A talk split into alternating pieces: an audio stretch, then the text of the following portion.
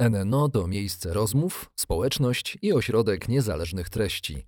Do rozmów, dyskusji i debat prowadzonych w NNO zapraszamy przedstawicielki i przedstawicieli szeroko rozumianej nauki. Filozofów, etyków, psychologów, socjologów, działaczki i działaczy praw człowieka, ekologów oraz liderki liderów biznesu. NNO po stronie odpowiedzialności.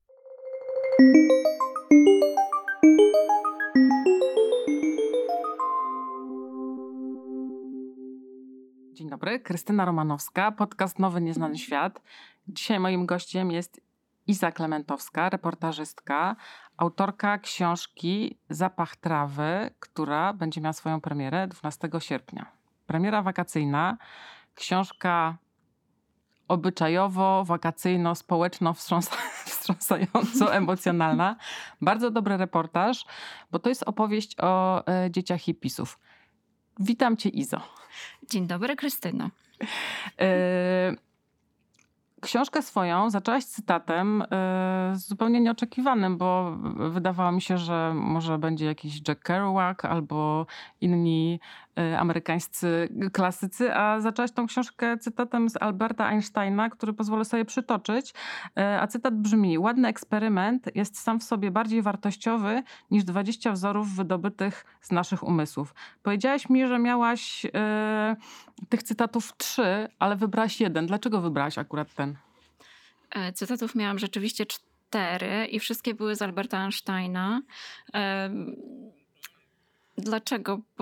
Po, pierwsze, primo, ponieważ bardzo lubię Alberta mhm. Einsteina. Uważam, że on sam w sobie był po prostu również hipisem na, na swój własny, jakiś taki zwariowany sposób. E, a dlaczego akurat ten e, cytat? Ponieważ Wydaje mi się, że jakby ten cały ruch hipisowski po prostu był swego rodzaju eksperymentem, ponieważ on nigdy wcześniej się jakby nie, nie pojawił. Oczywiście się pojawili pierwsi hipisi e, w XIX wieku już nawet, chociaż oni się nie nazywali z samych siebie hipisami, e, do czego myślę, że też dojdziemy do tego zwrotu hipisi. E, I, I dlatego po prostu ten eksperyment się troszeczkę jednak nie udał. E, jakby sami hipisi mówią, mówią o tym, że coś tutaj zawiodło, sami nie wiedzą co. Więc dlatego myślę, że można by było to uznać za, za eksperyment. E, I ponieważ to był sam, sam eksperyment y, i właśnie trzeba jakiejś takiej odwagi, ruch hipisowski się charakteryzował z, e, swego rodzaju odwagą, jakby rezygnacją z pewnych już znanych ścieżek. E, dla niektórych być może, e, niektórzy nazwaliby może ruch hipisowski, że to wcale nie była odwaga, tylko raczej tchórzostwo, bo nie chcieli pracować, nie chcieli nie wiem, nie chcieli żyć po prostu tak jak inni ludzie i że chcieli, że chcieli być może iść na łatwiznę i po prostu e, spotkałam się również z tą opinią, że oni żarowali na społeczeństwie, ponieważ e, żebrali. To też nie do końca była prawda.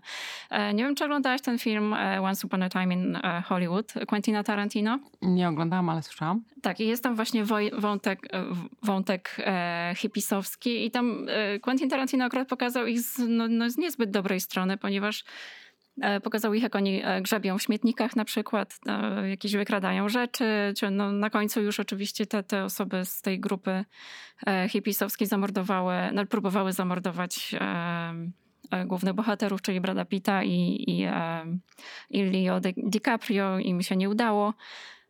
Skończyło się oczywiście to odwrotnie, a wiadomo przecież, że Charles Manson on nie był hipisem, więc tu, tu, tu mówię, to, to, to, tu po prostu jest pewne jakieś takie, e, taka, taka, e, taka niechęć widoczna do hipisów chyba Quentina Tarantino. E, więc dlatego po prostu, dlatego ten eksperyment i dlatego ten cytat. E, wydaje mi się, że, że warto próbować właśnie nowych jakby ścieżek. E, ruch hipisowski na pewno taką ścieżką był. I twoja książka, e, podtytuł twojej książki to jest o e, dzieciach hipisów. E, ta książka e, toczy się w, w, wielu wymiarach i wielu przestrzeniach, bo mamy tam Stany, tak. mamy Indie, mamy e, polskie Bieszczady, polski, polski Bałtyk. Mamy jakby taką całą... kafeterię, to takie ładne słowo, kafeterię y, postaci krwistych bohaterów. Jest to książka bardzo emocjonalna. Y, czy masz wrażenie, że zbliżyłaś się do prawdy o ruchu, o ruchu hipisowskim? Bo też jakby początek tej książki jest też trochę jakby o tym, jak ten ruch w ogóle powstał. On był z założenia eksperymentem, czy tak się musiało wydarzyć, bo była to, było to odreagowanie, nie wiem, zimnej wojny, odreagowanie wojny w Wietnamie? Bo mo moglibyśmy zapytać, gdyby nie hipisi, to co by było właściwie? No to jest, to jest bardzo dobre pytanie, mhm. gdyby nie hipisi, to co? Ja nie wiem, czy się zbliżyłam do prawdy. Myślę, że zbliżyłam się do, do tej prawdy, która była mi pokazana i do której się zdołałam dokopać, bo nie wydaje mi się, żebyśmy e, zdoła, zdołali się jakby właśnie dokopać do, do takiej całkowitej prawdy w jakimkolwiek innym temacie czy sferze życia. E, więc to, co ważne, i mówili mi i polscy hipisi, i, i, i amerykańscy, i, i inni hiszpańscy na przykład, bo do tego też e, dojdziemy, to tym, co oni mówią, to była na pewno, dlaczego ten ruch jakby powstał. Oczywiście wojna w Wietnamie to jest jakby E, to, to był jeden pretekst, ale właściwie nie sama wojna w Wietnamie, ale raczej zabijanie ludzi, e, prawda? A jakby ruch hipisowski się charakteryzuje tym, że no kochamy wszystko, co, co żyje, od muchy po, przez żdżownicę ptaszka e, po, po smoki, jeśli one istnieją na przykład, prawda? No i ludzi oczywiście, tak, wspominam ludzi. Więc, więc tu bardziej chodziło o tę miłość do wszystkiego, co żyje. To jedna rzecz. A dwa, oni sami poszukiwali rodziny, bo bardzo często oni pochodzili z rodzin, które mm, nie do końca dawały im miłość. Dawały im wszystko, ale nie dawały miłość, bo większość z tych hipisów, szczególnie amerykańskich, pochodziła z bardzo dobrych rodzin, dobrze sytuowanych i tam brakowało właściwie tylko tego ciepła takiego rodzinnego. I to wiele osób mi mówiło, że e, po prostu oni szukali e, dla siebie rodziny i rodziny znajdowali, rodzinę znajdowali właśnie wśród innych osób. Akurat tak się składa, że rówieśników, czy tam starszych, troszeczkę młodszych i, e, i tak dalej, więc myślę, że jakby tu jest ten początek, jakby miłość jest taką takim uczuciem i takim, taką emocją, której każdy z nas potrzebuje i szuka, nie każdy się do tego też przyznaje. Oni byli na tyle jakby otwarci i odważni, że się do tego przyznawali i szukali rzeczywiście. No czasami to było takie daleko idące szukanie tej mił miłości. Ale, e, ale wydaje mi się, że, że, że, że od tego się zaczęło. E, właśnie, na pewno nie zgadzali się też na jakieś takie konsumpcyjne podejście do życia, że e, musisz mieć tylko e, pracę, samochód, dom i zarabiać tylko na to i, i wieść takie życie po prostu. Ja nie mówię, że ono jest złe, absolutnie. Oni też nie mówią, że jest złe, tylko oni się po prostu nie zgadzali na to i nie chcieli tak żyć. Po prostu chcieli żyć inaczej. I to ży, ży, życie hipisowskie, znaczy jakby ostatnią wartością, której byśmy przypisali e, e, hipisowskiemu stylu życia, była ta wartość, o której tu często mówimy w tych podcastach, czyli odpowiedzialność. Było to życie e, no, bardzo bardziej wolność niż, niż odpowiedzialność, bo te, czasami te dwie wartości się jakoś tam mocno konfliktują. tak. Natomiast u, u ciebie w tej książce ty próbowałaś, mam wrażenie, to połączyć, bo jeżeli mówimy dzieci, mówimy hipisi, mówimy dzieci i hipisi, no to absolutnie się nam od razu włącza e, myślenie o tym, na ile ja hipis, ja mama hipis, ja tata hipis, jestem, e, jestem e, skłonny zrezygnować ze swojej wolności na rzecz dzieci. Tak. Uda, udało się to im?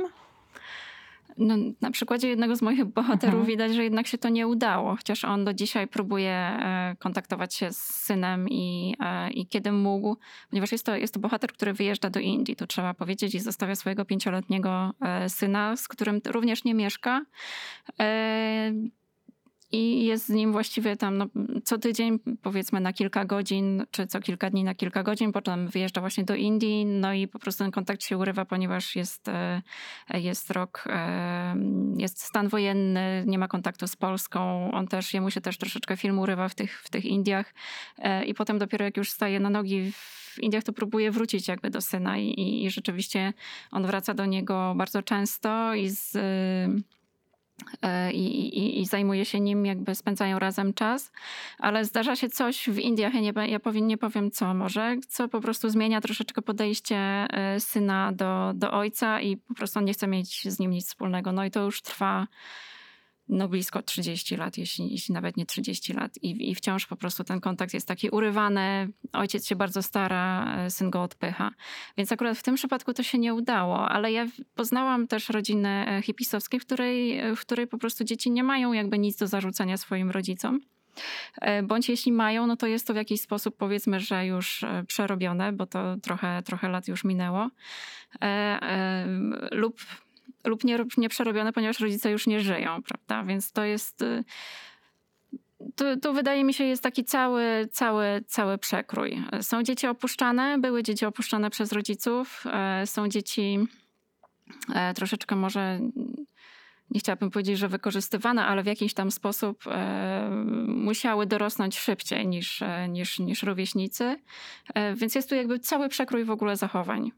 Mhm, tak jak w całym, w, w całym społeczeństwie. Czy tak. rozmawiając z hipisami, y, tymi y, y, zachowując nomenklaturę hipisi rodzice i hipisi dzieci, czy rozmawiając starsi z rodzicami, młodzi. starsi młodzi, starsze, starszymi hipisami, z tymi klasycznymi, pytałaś ich o refleksję nad życiem? Znaczy, czy pytałaś ich na przykład o to, albo czy w rozmowie pojawiło się coś takiego, że oni, że to był eksperyment społeczny? Czy oni mają taką świadomość, że uczestniczyli w czymś, co w pewnym momencie się skończyło i jakby nie ma tej kontynuacji, albo kontynuacja jest trochę jakby i w innym wymiarze?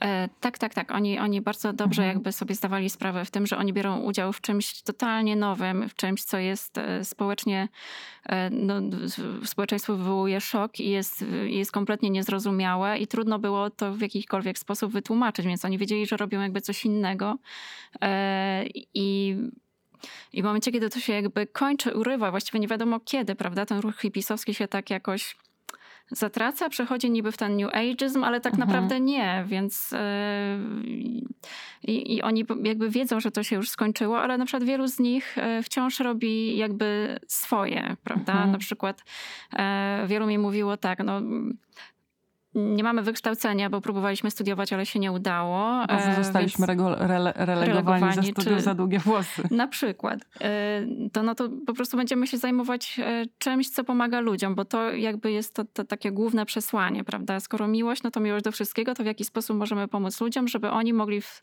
jakby odbudować się i w ten sposób jakby pomagać innym, bo to tak, tak na, takim, na takiej zasadzie jakby łańcuszkowej miałoby to działać. No i wielu z nich jakby zajmuje się powiedzmy ziołolecznictwem, e, e, jest tam dużo medytacji, jogi, jakby naturalnych metod leczenia, masaże, już nie będę mówić o, o, o leczeniu czakr e, mhm. w, w, ciele.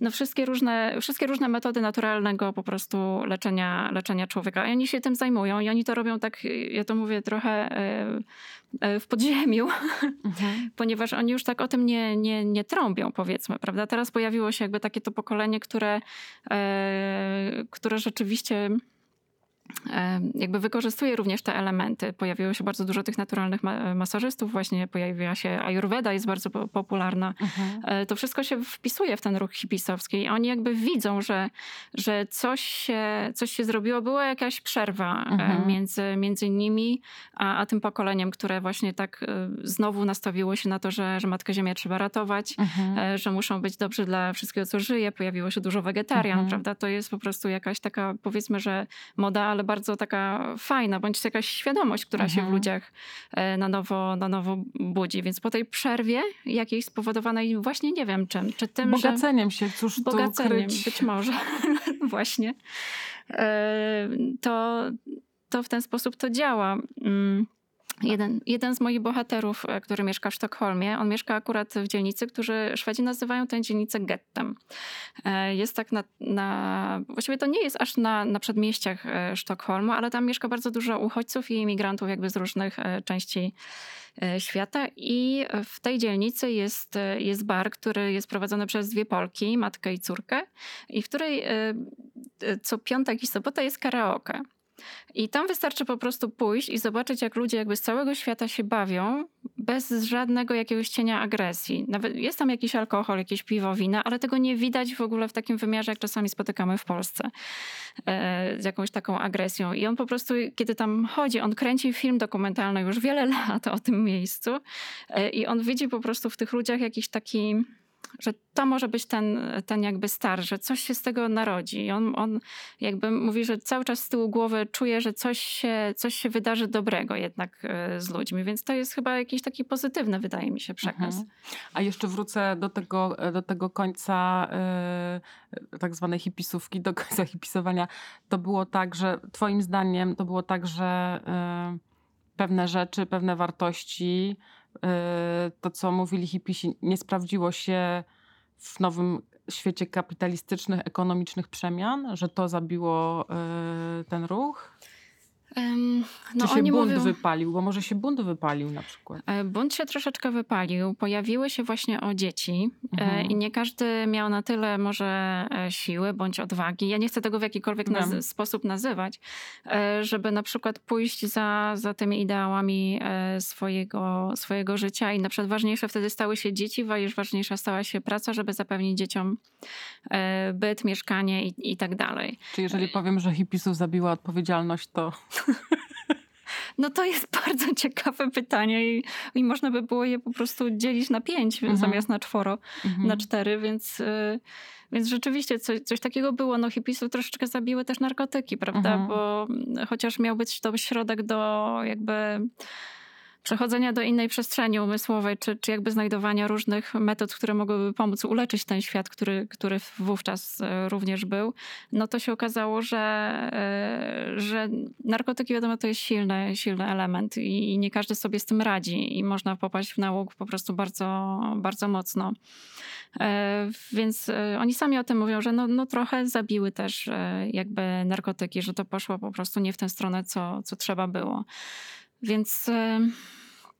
Ale znam też takich, którzy sobie popalają do dzisiaj, prawda, I, i, i, robią to po prostu w jakiś tam skuteczny sposób, lub inni na przykład e, nie palą, a, a łykają powiedzmy e, olejki po prostu z pewnych, e, z pewnych czy, czy wdmuchują, wdmuchują sobie w nos nietytoniare takie święte rośliny, powiedzmy, prawda, żeby uzyskać jakby inny, inną przestrzeń w swoim, swoim mózgu, więc więc no właśnie to jest bardzo ciekawe pytanie, co, co, co zabiło. E, ja znam hipisów, którzy w jakiś sposób po, po, po powiedzmy mieszkaniu wspólnym w kilkanaście osób jednak musiało z tego zrezygnować, bo, bo to trochę jest e, za dużo, kiedy na przykład pojawiają się również dzieci, prawda?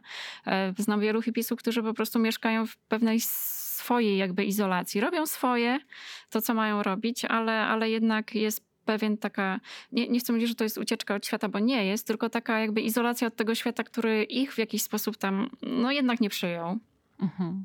E, jak, jak myślimy sobie o dzieciach hipisów, to zawsze mamy jakiś taki obraz, może z filmów amerykańskich, e, trochę, że, że jest ta wolna miłość i te się dzieci rodzą właściwie czasami być może nie wiadomo, kto jest ojcem, a tam i że, i że są, są świadkami, e, nie wiem, być może przygodnego seksu, być może zażywania narkotyków przed, przez dorosłych i tak dalej.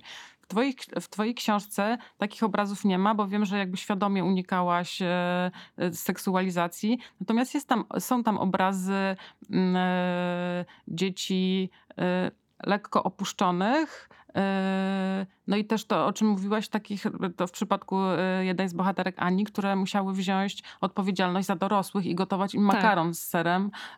Bo tylko to akurat wtedy. Zalewanym masłem. Tak. Czyli była to przyspieszona dorosłość, która potem w, w późniejszym życiu, tak jak rozmawiałyśmy, zaowocowała tym, że ci ludzie na przykład są bardzo mocno socjalizowani, w sensie, że na przykład tworzą dobre związki ku ku zdziwieniu wszystkich, bo przecież powinni uderzyć też w wolną miłość i po prostu być samotnymi, być może zgorzkniałymi ludźmi e, młodymi. Tak, dokładnie. Akurat te dzieci hipisów, my ich tak na, na, mhm. nazywamy, hipisi młodsi. Tak. E, tych, których, których ja znam, oni naprawdę tworzą bardzo szczęśliwe rodziny, bardzo takie świadome rodziny, jakby wiedzą na czym polega dobry związek, czy dobre e, rodzicielstwo. Tu też takie może... Mhm nawiązanie, więc więc akurat mówię, rozmawiałam i z tymi amerykańskimi e, dziećmi, i z, i z polskimi. We wszystkich się pojawia to, że, że, że właśnie ta przyspieszona dorosłość dała im, dała im taką, taką sporą siłę. Oni jakby nie ma, nie ma rzeczy, z którymi oni sobie jakby nie, nie dadzą rady, ponieważ e, już jako tam 10-9-latki musieli robić coś, czego wielu ich rówieśników nie robiło. Więc myślę, że to jest e, że to był właśnie też również ciekawy eksperyment, jak Mhm. wychować e, dziecko. Mhm. Tylko tak jak właśnie rozmawiałyśmy też, że czy rzeczywiście wychowanie takie, czy one są takie, ponieważ wychowały się w takich rodzinach, czy, czy po prostu to jest taki. Są taki- takie, bo się taki- takie bo urodziły i takie mają urodziły, takie predyspozycje. Mhm. E, W, e, pod koniec książki jest motyw e, tej hiszpańskiej, e, hiszpańskiej utopii e, Tak. hipisowskiej. A wcześniej też nawiązujesz do, do duńskiej chrystianii, z których e, z, z, z której mieszkańcy nie mówią zbyt e, dobrze o swoim życiu. Jak się ma chrystiania duńska do tej hiszpańskiej? No, przede wszystkim Christiania jest w, w mieście. To Mhm. jest Kopenhaga. Kopenhaga to jest duże miasto. To jest dzielnica, która była kiedyś, e, w której były e, kiedyś koszary wojskowe. I kiedy wojsko po prostu zrezygnowało jakby z tych budynków, hippie się to w jakiś sposób e, przejęli. E, i, I po prostu jakby zajęli to bez, bez płacenia żadnych jakichś tam e, pieniędzy czy coś. I to jest miasto. Ja to, ja to po, podkreślam. Chociaż jest tam zielono, jest to nad rzeką blisko do morza i ta natura jakby jest blisko, to ponieważ to są budynki i jest, jest miasto, bardzo ciężko było im jakby wyjść poza ten nurt właśnie taki troszeczkę narkotyczny, imprezowy e, i tak dalej. Tam mało było, chociaż zdarzały się, ja też widziałam tam budynki z małymi ogródkami, żeby oni sobie właśnie e, uprawiali te ogródeczki, Mhm. jakby żyli z tego tylko, co, co tam mają, bo tam wiele osób rzeczywiście żyje na przykład z, e, ze sztuki, maluje obrazy, robi jakieś rękodzieła, jakieś bransoletki, inne pierdółki, a Beneficio jest e, w Hiszpanii, e, to jest zupełnie inne miejsce, to jest wysoko w górach Sierra Nevada, e, niedaleko Granady i to jest wśród zieleni. E, Tam nie ma w ogóle elektryczności, nie ma bieżącej wody. Oni sobie stworzyli taki własny system, e, system nawadniania poprzez takie, zrobili takie deszczułki i po prostu jak woda spada e, z wodospadu takiego małego tam nieopodal, no to po prostu gromadzą jakby tę, tę wodę w odpowiednie zbiorniki, bądź na przykład kąpią się e, pod prowizorycznymi właśnie tymi, tymi e, deszczułkami. E, Już teraz niektórzy z nich mają baterie słone- słoneczne, bo to jednak bez tego to, to, to trochę sobie nie dawali rady. I, I tę wioskę założył, no to już prawie będzie 40 lat temu, e, taki Meksykanin, który po prostu postanowił jakby urwać się z tego świata takiego normalnego. On był w ogóle jakimś profesorem chyba na uniwersytecie, z tego co dobrze pamiętam. Na Wydziale Rolnictwa, czyli tu, tu jakby się zgadzało. On po prostu nie podobało mu się to, że tyle pestycydów używamy, że w ogóle te, e, co my robimy z roślinami. Dlatego, kiedy zobaczył to miejsce tam w górach, takie w ogóle no, nie, nie zasiedlone, bo to jest wysoko tam, żeby wejść, to Mhm. trzeba się wspinać bardzo, bardzo długo. I tam trampki swoje straciłam właśnie wspinając się. Guma mi się rozeszła dosłownie. E, bo weszłam nie z tej strony, co trzeba, to też trzeba podkreślić. E, więc on, on po prostu założył najpierw e, troszeczkę innym miejscu z kilkoma innymi osobami i zaczęli właśnie od uprawy jakiejś tam, tego co się tam w ogóle daje uprawić na tej wysokości, bo to jest dosyć wysoko nad poziomem morza. No i tak inni ludzie zaczęli tam przybywać, przybywać i tam każdy może się pojawić. No Możesz tam mieszkać 5 dni, 2 lata, 5 lat albo właśnie o 30. On tam założył swoją jakby drugą chyba rodzinę już, ma małe dzieci. Wtedy jak ja byłam, to one były tak w wieku jakimś 7-10 lat, coś, coś w tym stylu. E, Także to jest jakby ta różnica, e, jakby świadomość tego, co chcesz zrobić. On chciał po prostu stworzyć jakby taki, zacząć od tego i stworzyć nowy świat, czyli bazować na, na prawach natury, żeby żyć zgodnie z prawami natury, tak jak słońce, księżyc, e, woda, to co ci daje po prostu natura, w ten sposób żyć i, i, i, i uciec też od podatków, on o tym też mówi, że jednak no, uciec od, od, od konsumpcjonizmu. Więc to, to są dwie różne rzeczy, Mhm. Christiania a, a beneficio. Wydaje mi się, że w Christianie jednak ten, ten duch taki hipisowski, żeby żyć zgodnie z naturą, Mhm. gdzieś tam po drodze upadł. Mhm. I dlatego być może oni nie byli tacy jakby zadowoleni z tego życia, które tam jednak sobie zbudowali. Mhm. E, Myślę sobie, że e, ten powrót do natury i, e, no i właśnie takie korzystanie i życie w zgodzie z naturą, to co mówiłaś, że jakby, że mamy trochę teraz taki, w związku z tym, co się dzieje z klimatem, mamy trochę teraz taki powrót do, hipi, do wartości hipisowskich, ale oprócz tego kontaktu z naturą i powrotu do natury, to myślę też, że e, że to jak się wychowywało dzieci w rodzinach hipisowskich, właśnie ten też ciągły kontakt z naturą i taka, i taka że, że właściwie te dzieci były chowane przez tą globalną hipisowską wioskę, to też teraz w jakimś sensie się odnawia w tej ideologii ideologii, czy, czy, czy wartości rodzicielstwa bliskości. Czyli jakby mimo, że że odpowiedzialność, jak twierdzimy, zabiła mhm. ruch hipisowski, no to pewne te elementy, takie bardzo um, humanistyczne i takie bardzo sprzyjające rozwojowi człowieka nadal są aktualne.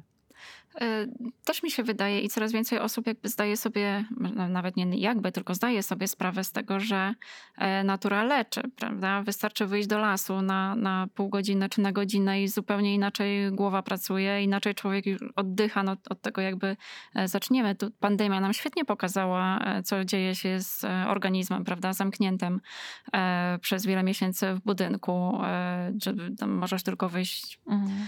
no wiadomo, w te takie mm, po najbardziej potrzebne rzeczy. E, a w momencie, kiedy ja sama, ja sama jak spędziłam w Warszawie właśnie kilka miesięcy i pojechałam do moich rodziców do, do lasu, no to ja po prostu tydzień później byłam zupełnie inna. W sensie zupełnie inaczej oddychałam, inaczej pracowałam, inaczej e, głowa mi pracowała i całe ciało. E, więc ta świadomość jednak tego, jak ważne jest życie zgodnie z naturą i żeby ta natura była zdrowa i jeśli ona będzie zdrowa, to i my będziemy zdrowi, jest tutaj bardzo, bardzo silna i wydaje mi się coraz, coraz szersza i warto jakby o tym też e, mówić i sadzić więcej drzew. Tak, posadzić drzewo raz w miesiącu. miesiącu. To jest też e, akcja Izy Klementowskiej. E, I ostatnie pytanie. Bunt się wypalił, bo przyszły dzieci. Hipisi ścieli włosy i poszli do biur. Ale pandemia też pokazała, że można inaczej. To znaczy, można może nawet nie pandemia, ale jakby takie, yy, taki rozrachunek z tym, że dużo pracowaliśmy, być może że dużo zarobiliśmy i być może się trochę wypaliliśmy, spowodowało to, że niektórzy ludzie stają się hipisami, jak ustaliliśmy, na starość albo w wieku, w wieku dojrzałym. I to też bardzo polecamy, ponieważ yy, taki bunt i nonkonformizm no jest bardzo dużą wartością jest dużą wartością i daje i tak naprawdę jakby otwiera, otwiera nowe możliwości dla człowieka. Ja też również znam osoby, które po prostu po pandemii, po roku jakby takiego za, zamknięcia więcej niż roku, po prostu stwierdziły, a ja to e, powiedzmy chrzanie i po prostu i, i sprzedaję mieszkanie, sprzedaję samochód, jadę sobie w podróż dookoła świata, ponieważ teraz się podróżuje bardzo dobrze wbrew temu, co się, co się mówi, co się mówi, ponieważ i samoloty są puste, i autobusy są puste, pociągi są puste, więc e, i, i znam wiele osób, które po prostu wyjechały z Polski w podróż swojego życia, a mają tam są powyżej 60 roku życia na przykład, prawda? Tuż przed emeryturą niektórzy rezygnują z pracy. Więc to jest, to jest też właśnie takie ten... To jest hipisowskie. Jest hipisowskie i takie właśnie, że ja mogę ze swoim życiem tak naprawdę zrobić, co chcę. I to jest ta świadomość, takie... Jeden, jeden z takich znajomych właśnie, który to zrobił, powiedział, wiesz co, ja się przebudziłem w tym momencie. No i to, to też wydaje mi się dosyć ciekawie mówi o samym ruchu też hipisowskim, jakby, że oni też w pewnym momencie się powiedzmy przebudzili. Oni tak mówili, tak przebudzenie zresztą bodhisattva i, i, i buddyzm i tak dalej, więc tak. Więc e, obudźmy w sobie hipisa, takiego szytego na miarę. Niech każdy e, pomyśli sobie, e, co w ruchu hipisowskim go pociąga i co jest ciekawe, co jest godne kontynuacji. A moim gościem była Iza Klementowska, autorka książki Zapach trawy, która będzie miała swoją premierę 12 sierpnia. Jest to doskonała lektura. Bardzo dziękuję. Dziękuję, dziękuję pięknie. Krystyna Romanowska, podcast... Make love not war. Make Love Not War. Krystyna Romanowska, podcast się nazywa Nowy Nieznany Świat.